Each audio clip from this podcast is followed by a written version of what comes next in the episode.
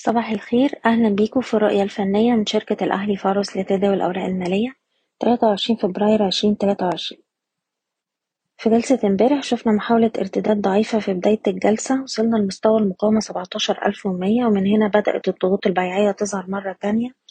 قفلنا عند أقل مستويات الجلسة عند 16777 كان في ضغوط بيعية قوية امبارح على معظم الأسهم وكل مؤشرات السوق قفلت على انخفاض. دلوقتي مستوى المقاومة الأول عند السبعتاشر ألف ومية وطول ما إحنا بنتداول تحت المستوى ده ومش قادرين نتجاوزه الأعلى ده هيفتح المجال للمزيد من الانخفاض إلى مستوى الدعم التالي عند ستاشر ألف وخمسمية. الناحية التانية لو مقدرش المؤشر يتماسك وتظهر قوة شرائية حوالين ستاشر خمسمية ده هيؤدي لضغوط بيعية أقوى. وبالتالي نتيجة للأداء الضعيف للقوى الشرائية بننصح باستغلال أي محاولة للارتداد لتخفيض المراكز حتى عودة القوى الشرائية بشكل منتظم. بشكركم بتمنى لكم التوفيق. إيضاح الشركة غير مسؤولة عن أي قرارات استثمارية يتم اتخاذها بناء على هذا التسجيل